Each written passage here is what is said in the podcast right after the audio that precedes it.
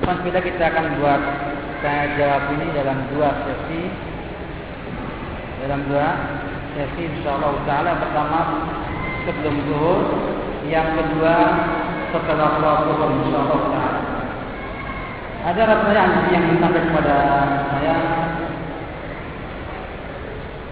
Tentang pertanyaan mengenai yang kata insyaallah akan saya bahas pada yang kedua tentang MLM akan saya bahas insyaallah taala ya, pada sesi yang kedua karena itu panjang. Ini cukup panjang. Kemudian yang kedua, apakah puasa termasuk yang diharamkan bagi laki? Puasa ini adalah logam campuran antara emas dan perak yang saya tahu. Cuman kadar emasnya sedikit sekali, ya, yang banyak peraknya. Maka tidak disini bahwa dalam kaidah dikatakan al-hukmu al-ghal. Hukum itu kembali kepada yang dominan. Bila suasa itu yang dengar adalah emas, seperti emas 50 persen, emas 60 persen, emas 70 persen, maka dia hukum hukum emas. Maka dia hukum hukum hukum emas. Namun bila itu yang lebih adalah karakter, emas yang sebagai campurannya, maka hukumnya adalah hukum yang dominan. Al-hukmu al-ghalib la al-nadir. Benarkah Bang Muhammad Syar'i jawabannya sudah sudah kemarin oleh saya bahwa eh, itu belum teruskan syar'i. Belum semuanya sesuai syar'i. Dengan pengakuan mereka sendiri.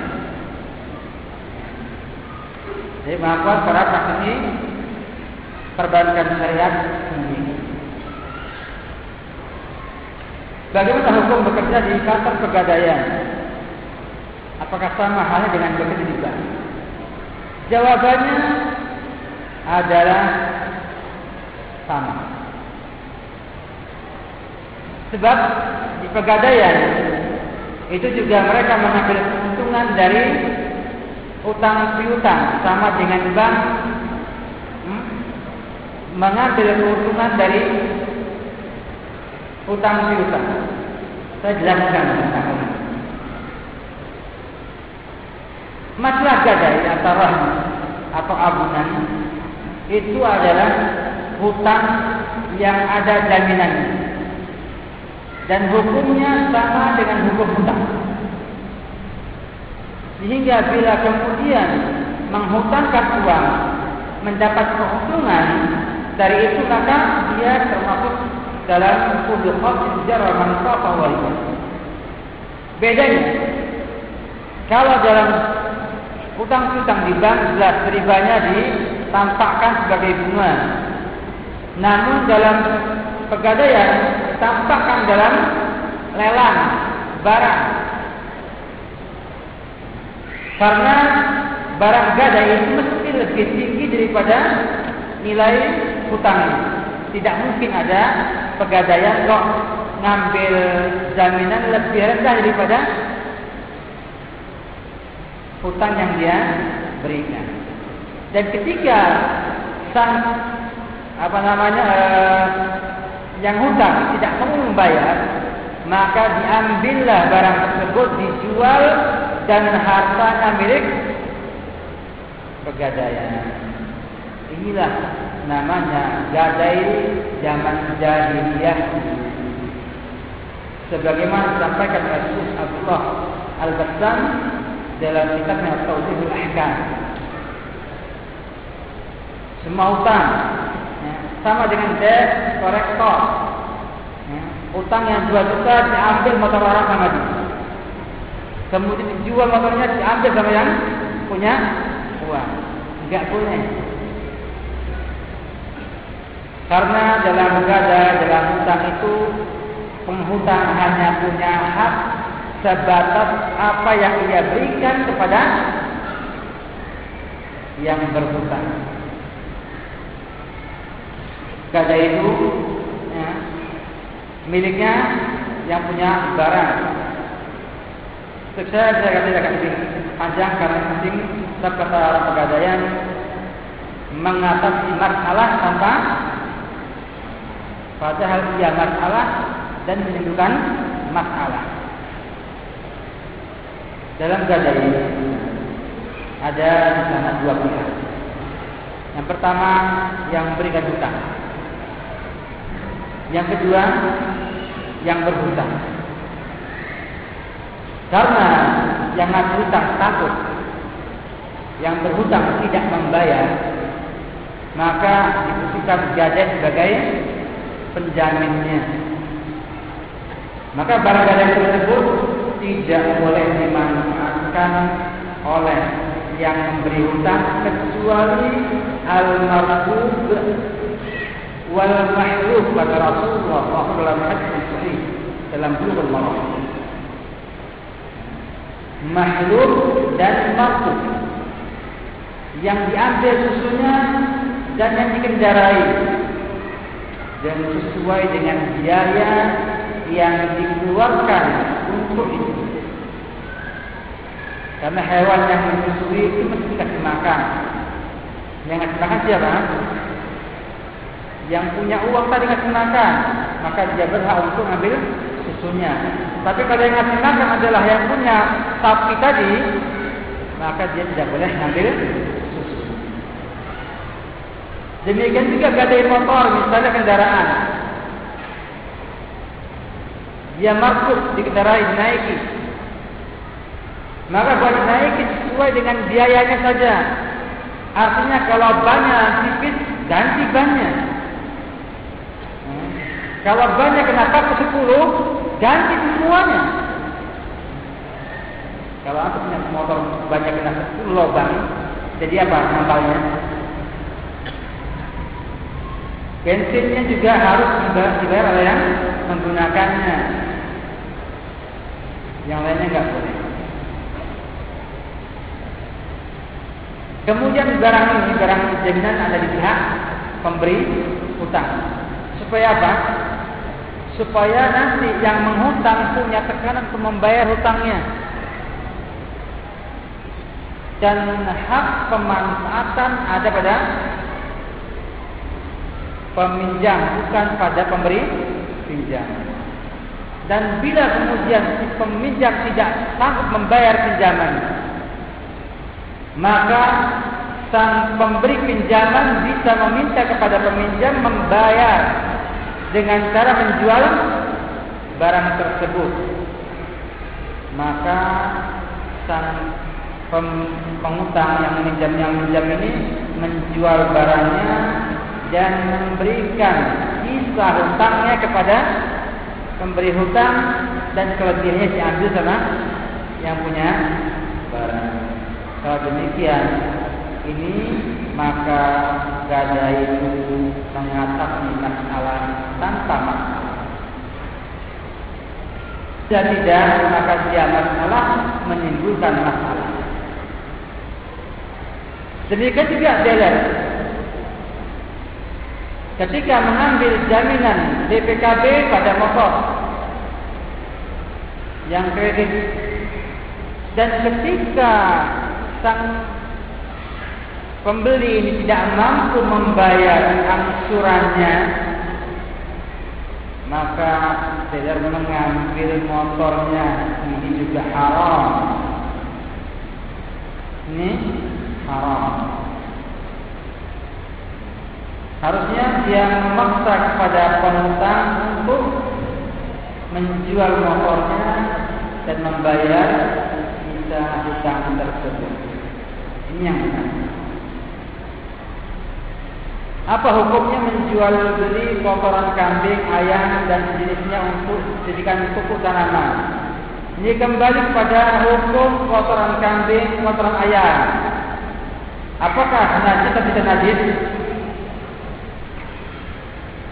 Ada yang jawab?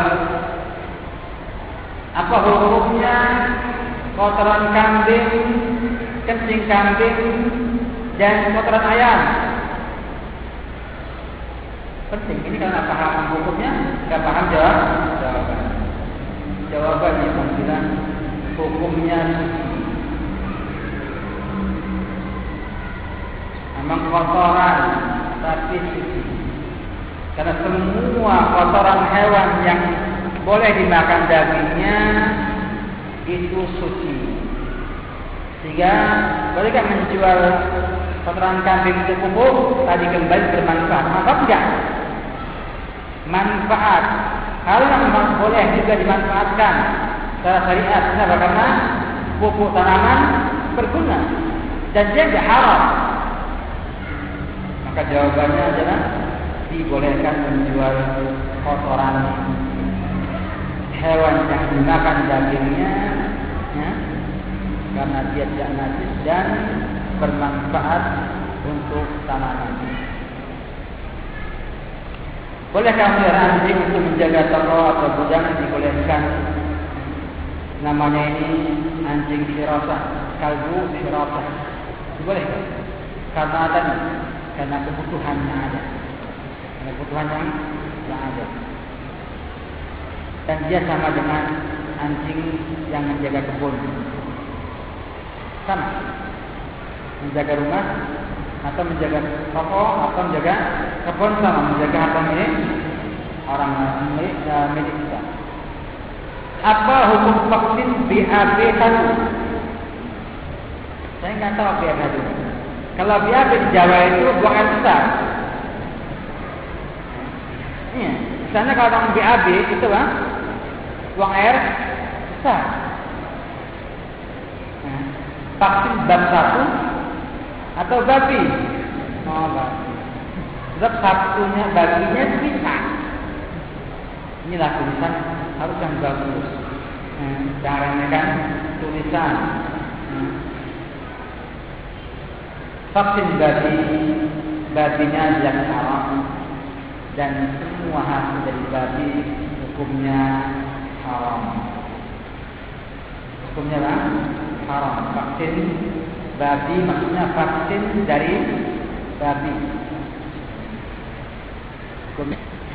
Dan MUI mengatakan ini hukumnya tidak boleh namun karena darurat maka dibolehkan.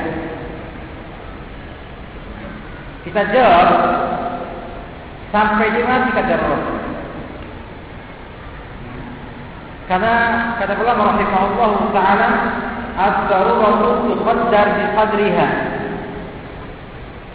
Ad-darurat dilihat kepada ukuran daruratnya. Sekarang vaksin ini untuk manusia. Apakah ini adalah obat satu-satunya? Yang pertama dunia. Yang kedua, apakah harus divaksin? Kalau yang pertama, jelas tidak. Dan ternyata ada vaksin dengan uh, sapi, dengan apa? Enzim sapi. Dengan apa enzim? Cuma sudah kadung, ada proyeknya Yang kedua, tidak divaksin pun tidak diimunisasi banyak sehat-sehat. Kenapa orang makan diri untuk imunisasi eh, vaksin padahal belum tentu kena sakitnya. Kecuali bila kemudian sudah mewabah tempat tersebut dan diperkirakan bisa terkena, maka dia segera darurat sehingga apakah ada lain atau tidak? Kalau tidak ada, maka dibolehkan sesuai dengan ukurannya. Ngasihnya itu sesuai dengan kebutuhan yang ada. Wallahu ta'ala Bolehkah berjualan dekat keramaian seperti pesta pernikahan yang ada kaibotnya? Hukum jualnya sah-sah saja, namun mendengarkan suara kaibot hukumnya haram. Dan tidak mengingkarinya juga haram. Paham kan? Dan ikut meramaikannya termasuk ta'awun ala ismi wal apa hukumnya? Haram. Maka baguslah jangan jualan tanpa mengingkari. Kalau tanpa mengingkari, boleh jualan. Coba aja kalau bisa mengingkari. Bolehkah menjual air kira yang baru diambil dari pohon aren kepada orang yang akan menjadikannya air tua? Hukumnya haram karena dia tidak islat jarai. Sama dengan menjual anggur kepada pabrik komer. Jual anggur untuk? Pabrik komer. Hukumnya haram ada dalam buku pembahasan menjual anggur untuk pabrik komer, pabrik minuman keras.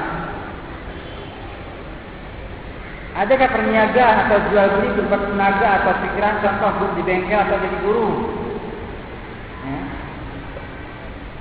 Ini masih dalam dalam bab ijarah, dalam bab ijarah dan dia perlahan dalam jual beli. Al-Ijarah ini ulama ada ada dua pendapat dalam hukum fikih, ada yang memisahkan dari jual beli, ada yang dia memasukkan dalam jual beli. Jual beli jasa. Jual beli jasa. Sebab bagaimana jual beli makanan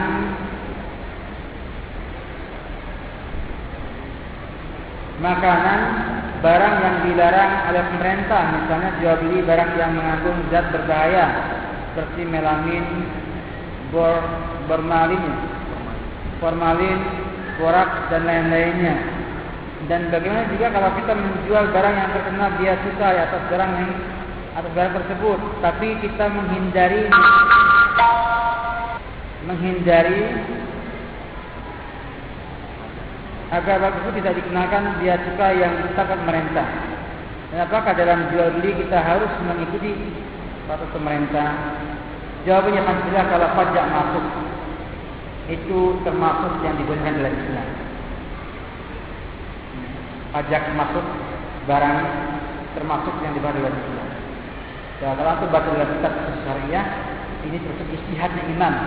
Istihad imam untuk memberikan uh, pajak kepada barang yang masuk ke negaranya.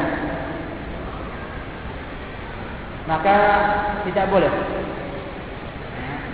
Tidak boleh karena dia menyisihi wali umur. Sebagaimana uh, katakan Syekh Ibrahim Al-Hadi dengan ini. Namun untuk yang menjual beli yang berbahaya ini hukumnya tidak boleh ya, karena dia ikut merusak kaum muslimin. Jadi kata Allah, uh, ad-darul semua yang merusak kaum muslimin dihilangkan. Sampai-sampai orang yang memberikan rasa takut pada kaum muslimin itu diharamkan. Apalagi menjual barang-barang yang ada misalnya formalin yang berbahaya. Tidak boleh. Bagaimana hukumnya menjual makanan yang campur ganja yang dikatakan sebagai pusat makanan? Ganja ya alhamdulillah yang diharamkan apanya? Yang memabukkannya. Sekarang ganja itu apakah ganja itu memabukkan? Ada yang tahu? Yang tetangganya kapung ganja. Ya saya tahu ya, ganja itu akan ber, akan memabukkan kalau di, dikeringkan. Ganja itu akan memabukkan kalau dikeringkan. Jika para uh, para anak muda yang ingin selain ingin uh, mabuk itu ganjanya disetrika atau dikeringkan baru diisap. Yang saya tahu. Ya. Sedangkan daun ganja yang masih segar, ya, apakah mabukkan? Butuh ada penelitian. Kata orang Aceh, kata orang Aceh, Ustaz kalau daun ganja yang basah, yang masih apa namanya itu segar itu, itu tidak memabukkan, tidak memabukkan. Dan itu yang bikin bumbu masak rumah. Kata kita, kalau demikian keadaan, maka campuran ganja basah yang tidak memabukkan itu hukumnya boleh. Hukumnya apa? Boleh. Tapi kalau yang kering, hukumnya apa? Haram. Karena ilahnya haramnya riba adalah memabukkan. Dan ketika di, di disampaikan memabukkannya itu, kalau dia dikeringkan maka mabuk, kalau enggak maka enggak, hukumnya beda. Berbeda kalau seandainya keringnya itu banyak memabukkan, sedikitnya pun haram. Allah Taala alam. Apakah boleh menjual rambutan yang masih di pohon uh, di pohon dalam keadaan mangkal atau ranum belum sempurna masaknya dijual secara borongan? Ini kata kita ini rahimahullah taala termasuk gharar yang dimaafkan. Gharar dimaafkan karena pohon tidak mungkin matang semuanya. Mesti ada yang masih mangkal, ya.